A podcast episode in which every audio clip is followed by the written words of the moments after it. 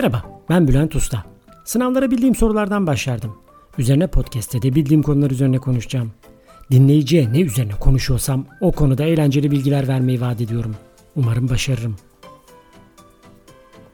Merhaba, bugün size Weimar Cumhuriyeti'ni anlatacağım. Almanya'nın, belki de dünyanın en özgür dönemi. Herkesin istediğini söyleyebildiği, istediğini yarattığı ve hayallerinin peşinden gittiği bir dönem. Ve herkesin kabul edildiği, Mevlana'nın ne olursan ol gel sözünün gerçekten hakkını bulduğu bir dönem. Golden Asvansiga, altın yirmiler. Altın yıllar yani 1920'ler. Bir ülkenin yenilgiyle çıktığı bir savaştan hemen sonraki 10 yıl altın yıllar olabilir mi? Birinci Dünya Savaşı imparatorlukları bitiren bir savaştı. Alman, Rus, Avusturya, Macaristan, Osmanlı bu imparatorluklar tarih sahnesinden silindi. Almanya'da da imparatorluk sona erdi ve Weimar şehrinde Cumhuriyet ilan edildi. O nedenle Weimar dönemi ya da Weimar Cumhuriyeti olarak adlandırılır. Bu dönem 30 Ocak 1933 tarihinde Adolf Hitler'in şansölye olarak görevlendirilmesine kadar süren bir dönem aslında. Yani Nazi rejiminin başlangıcına kadar devam eder. 1919 yılında Versay Anlaşması imzalandı. Bu anlaşmanın çok ağır hükümleri vardı. Almanya toprak kaybediyor, tazminat ödemek zorunda kalıyor, ordusu sınırlanıyor ve Avusturya ile birleşmesi yasaklanıyordu. Bu hükümler birçok Alman için onur kırıcı ve kabul edilemezdi. Daha savaşacakken teslim olunmasına kızgın Almanlar vardı. Teslim olan hükümeti suçluyorlardı. Savaş sonrası ise enflasyon dönemiydi. Alman markı inanılmaz derecede değer yitiriyordu. 1920'lerin başında 4.2 trilyon mark bir ABD dolarına eşit hale geliyordu. Ama bir yandan da endüstrileşme hızla ilerliyordu. Zaten bilimsel anlamda altyapı hazırdı. Alman bilim adamları 1800'lerin sonundan itibaren sürekli keşif yapıyor ve bizde pek sevilmez ama e, icat çıkarıyordu. İkinci Dünya Savaşı'na kadar olan dönemde dünyada en fazla Nobel kazananlar Alman bilim adamlarıydı. Weimar döneminde Alman bilim adamları 20 tane Nobel aldı. Genelde fizik ve kimya alanında. Hem ilaç sanayinde hem boyamada hem optikte yeni üretimler yapılıyordu. İngiliz bir lord 2. Dünya Savaşı sonrası savaşı kazandık çünkü bizim Alman bilim adamlarımız onların Alman bilim adamlarından daha iyiydi demişti. Ya ne Alman övdük, ne Alman övdük. Ama telafi edeceğim. Almanlar nasıl Hitler'in peşinden gitti? O konuyu anlatırken biraz da giydireceğim. Ama o sonra. Şimdi Weimar'a dönelim. Üretim aşamasında da sıçrama yaşandı. Amerika'da Ford'un uyguladığı line production var biliyorsunuz. Bu Almanya'da da yayıldı. Hızlı bir modernizasyon dönemine girildi. Savaş ve hiperenflasyon dönemi sonrasında Weimar'da Almanların bildiği bir şey vardı. Para gelir gider. Hayat gelir gider. O nedenle anı yaşayalım. Kısacası Almanlar çok da şey etmemek lazım kafasında eğleniyorlardı. Savaş onlara bunu öğretmişti. Cumhuriyette belki de en iyi dönem Stresemann dönemiydi. Siyasi tartışmaların azaldığı bir dönemdi. Gerçekten de en iyi dönemler hep öyle olur.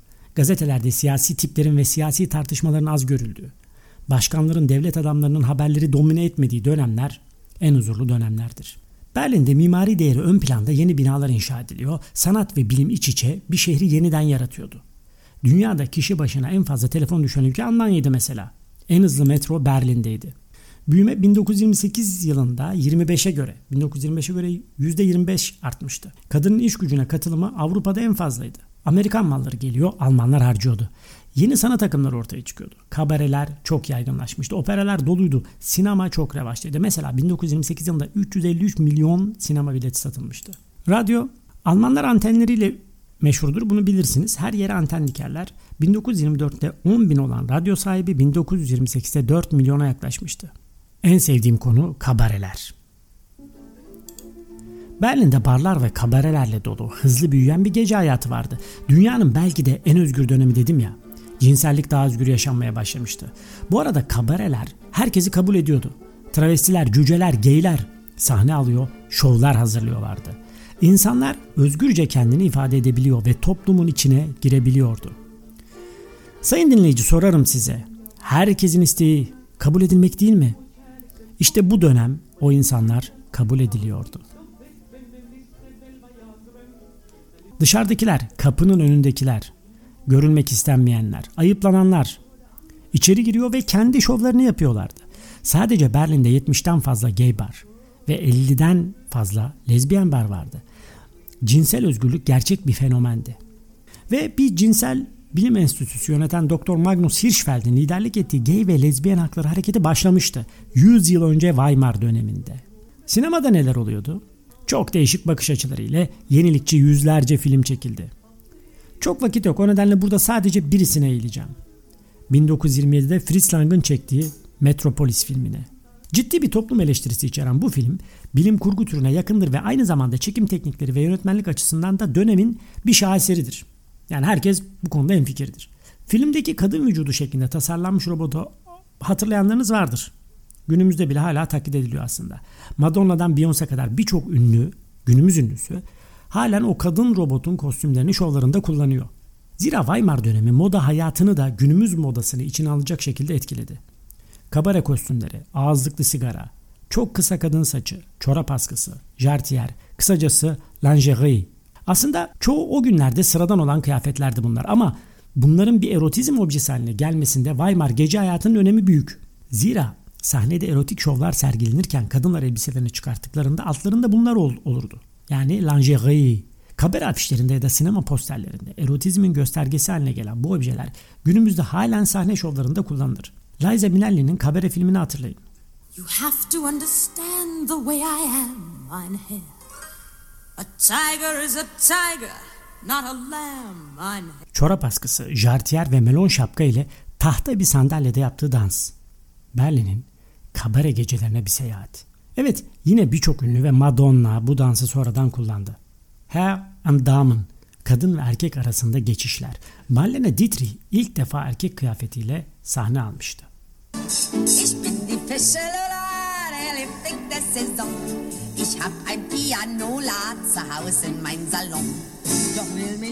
Hatırlarsanız Madonna da erkek kıyafetiyle sahne aldı ve çok benzer bir kıyafetti aslında bu. Aslına bakarsanız Madonna Weimar dönemini en çok kullanan sanatçılardan birisi. Bayağı pretzelini yemiş o dönemin. Hadi biraz da resim sanatına bakalım. Neuzacklichkeit, New Objectivity yani yeni nesnellik, yargısız bir bakış, yapılan ile duygusal bir ilişki kurmadan sadece gördüklerini çizmek, resmetmek. Sadece göstermek. Dönemin sanatçıları sokakları çizdiler, fahişeleri çizdiler, savaşta sakatlananları çizdiler. Örneğin Otto Dix'in Kart Oynayanlar isimli tablosu. Savaş sonrası buluşan askerler kart oynuyor. Ama hepsi ampute. Birinin kulağında tüp, birinin bacağı yok. Madalyalı bir asker var mesela o da ampute. Başka bir tablo politik hiciv üzerine. Aynı tabloda politikacı asker ve din adamı var. Hepsi bir çürümüşlüğün içinde. Politikacının kafatası açılmış mesela onun içinde bok var. Öyle resmetmiş. Şimdi size ikonik bir resimden bahsedeyim. Otto Dix'in yine bir gazetecinin portresi. Kadın gazeteci. Yeni bir tarzı var. Kadının gözünde monokıl, elinde sigara ve önünde kokteyl var. Kısa saçlı. Kadınsı hiçbir özelliği ön plana çıkartılmamış. Tek başına oturuyor. Tek başına içiyor. Resim kafanızda güçlü, tuttuğunu koparan bir kadın imajı yaratıyor. O dönemin yeni kadını. Şimdi size bir ressamdan bahsedeceğim. Bu dönemde e, bu yeni nesnellik akımına katılmamış, bunun dışında kalmış. Sadece ağaçları, evleri çizmiş, köpekleri çizmiş bir ressam. Viyana Sanat Okulu'na da resim bölümüne kabul edilmemiş. Bu sanatçı adayı Adolf Hitler. Daha sonra iktidara gelince Weimar dönemi sanatını ve e, resimlerini dejenere resimler olarak adlandırılmış. Hatta bu resimlerin olduğu dejenere sanat diye yani bu resimleri içinde sergilediği dejenere sanat adlı bir sergi açmış. Anlamadığı sanata bok atmak bir faşist geleneği demek. Mimariye bakalım Bauhaus dönemi. Bauhaus mimarisinde düzgün ve fonksiyonel yapılar göze çarpıyor. Form fonksiyonu izlemeli. Şekil önemli ama niçin yapıyoruz? Bu nedenle minimale kaymış biraz. Yani önemli olan fonksiyon mimaride de ev eşyalarında da oturmak için yaptığımız bir sandalye önce oturulabilir olmalı öyle değil mi? Böyle düşünmüşler. Ağaç işlemeli, kolları uzun, böyle arkadan tepeliği olan kadife pomponlu değil. Rahat ve oturulabilir olması için en uygun minimalist form nedir? Bu aranmış. Peki ne oldu da Weimar dönemi sona erdi? Nedeni bir ekonomik kriz. Amerika'da 1929'daki borsa çöküşünü hatırlayın. Amerika batınca Almanya daha da battı. Aslında Almanya'da yani savaş sonrası ekonomi nasıl dönüyordu? Amerika'dan borç alıyorlardı. Bu borçla ekonomiyi canlandırıyorlardı. Daha sonra borçlarını geri ödüyorlardı. Kreditör ülke çökünce Alman ekonomisi de derin yara aldı. Başka sebepleri de vardı. Birçok Alman aslında parasını bankada tutmayıp çok karlı hisse senetlerine yatırıma başlamıştı o dönemde. Amerikan borsasında da hisseleri olan Almanlar vardı mesela. Borsa, Amerikan borsasının çöküşü bunların bir gecede iflas etmesine neden oldu. Dediğim gibi Amerika'dan gelen krediler azaldı ve bu da altın yılların sonunu getirdi. Üretim hatlarında yani bu size bahsettiğim line production'da fazla istihdam yapılmıştı zaten. İşsizlik ilk bu kesimi vurdu. Özellikle çiftçiler Weimar döneminde zaten çok mutlu değillerdi. Zira gelir artışları şehirlerde çalışanlar kadar çok çiftçilere yansımamıştı. Savaş sonrası teknolojinin de katkısıyla dünyada tarımsal üretimde bir artış yaşanmıştı aslında. E bu da fiyatların düşmesi demekti. Çiftçinin cebine daha az para girmesi demekti. Çiftçi burada iki kere gol yemişti zaten. Bir de şey vardı tabii büyük departman storlar. Bu da esnafın tepkisini çekiyordu. Acaba dünya tarihinde esnafın tepkisinin olmadığı bir dönem var mı? Neyse. Kısacası ekonomide stagflasyon dönemi başladı. Herkes rahatsızdı. Bunun sorumlusu kimdi? Nazi Partisi hemen propagandaya başladı. Suçluları gösteriyordu.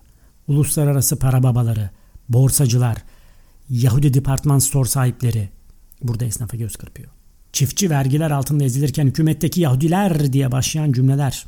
Gösteriler düzenleniyordu ama tabii ki parti adına değil.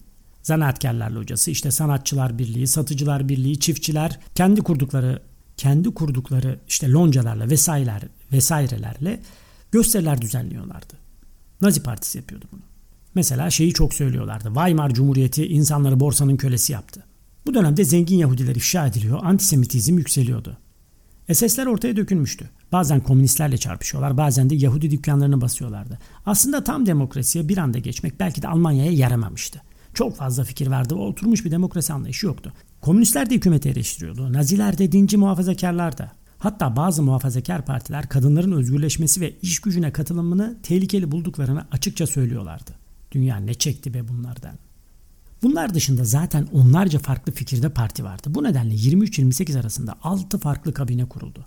Naziler de işte Weimar Cumhuriyeti'ni tam da bu nedenle eleştiriyorlardı. Göçle bir yönetim yok diyorlardı. Aslına bakarsanız 29 krizi olmasaydı Weimar Cumhuriyeti dönemi Almanya'nın en güzel dönemlerinden biriydi. Ama tabii Hitler manyağının peşine takılmak ve soykırım e, sadece ekonomik krizle anlatılamaz. Versay Anlaşması sonrası küçük düşmek. Savaşı kazanabilirdik ama bizi Yahudi hükümet sattı propagandasının yeri de yatsınamaz. Hitler şansölye olup Weimar hükümeti sona ererken sanatçılar, edebiyatçılar, bilim adamları bu durumu eleştiriyorlardı. Bazıları ülkeyi terk etmeye başlamıştı bile. Faşizm ülkenin yetişmiş beyinlerini göçe zorluyordu. Gitmeyenler ve bu değişecek diyenlerin sonu ise hapis veya toplama kampı oldu. Ya hapiste yıllarını geçirdiler ya da bir toplama kampında öldürüldüler. Ancak bugün baktığımızda çevremizde halen o insanların izlerini görüyoruz. Belki de yok olmadılar. Bir sonraki podcast'te görüşmek üzere.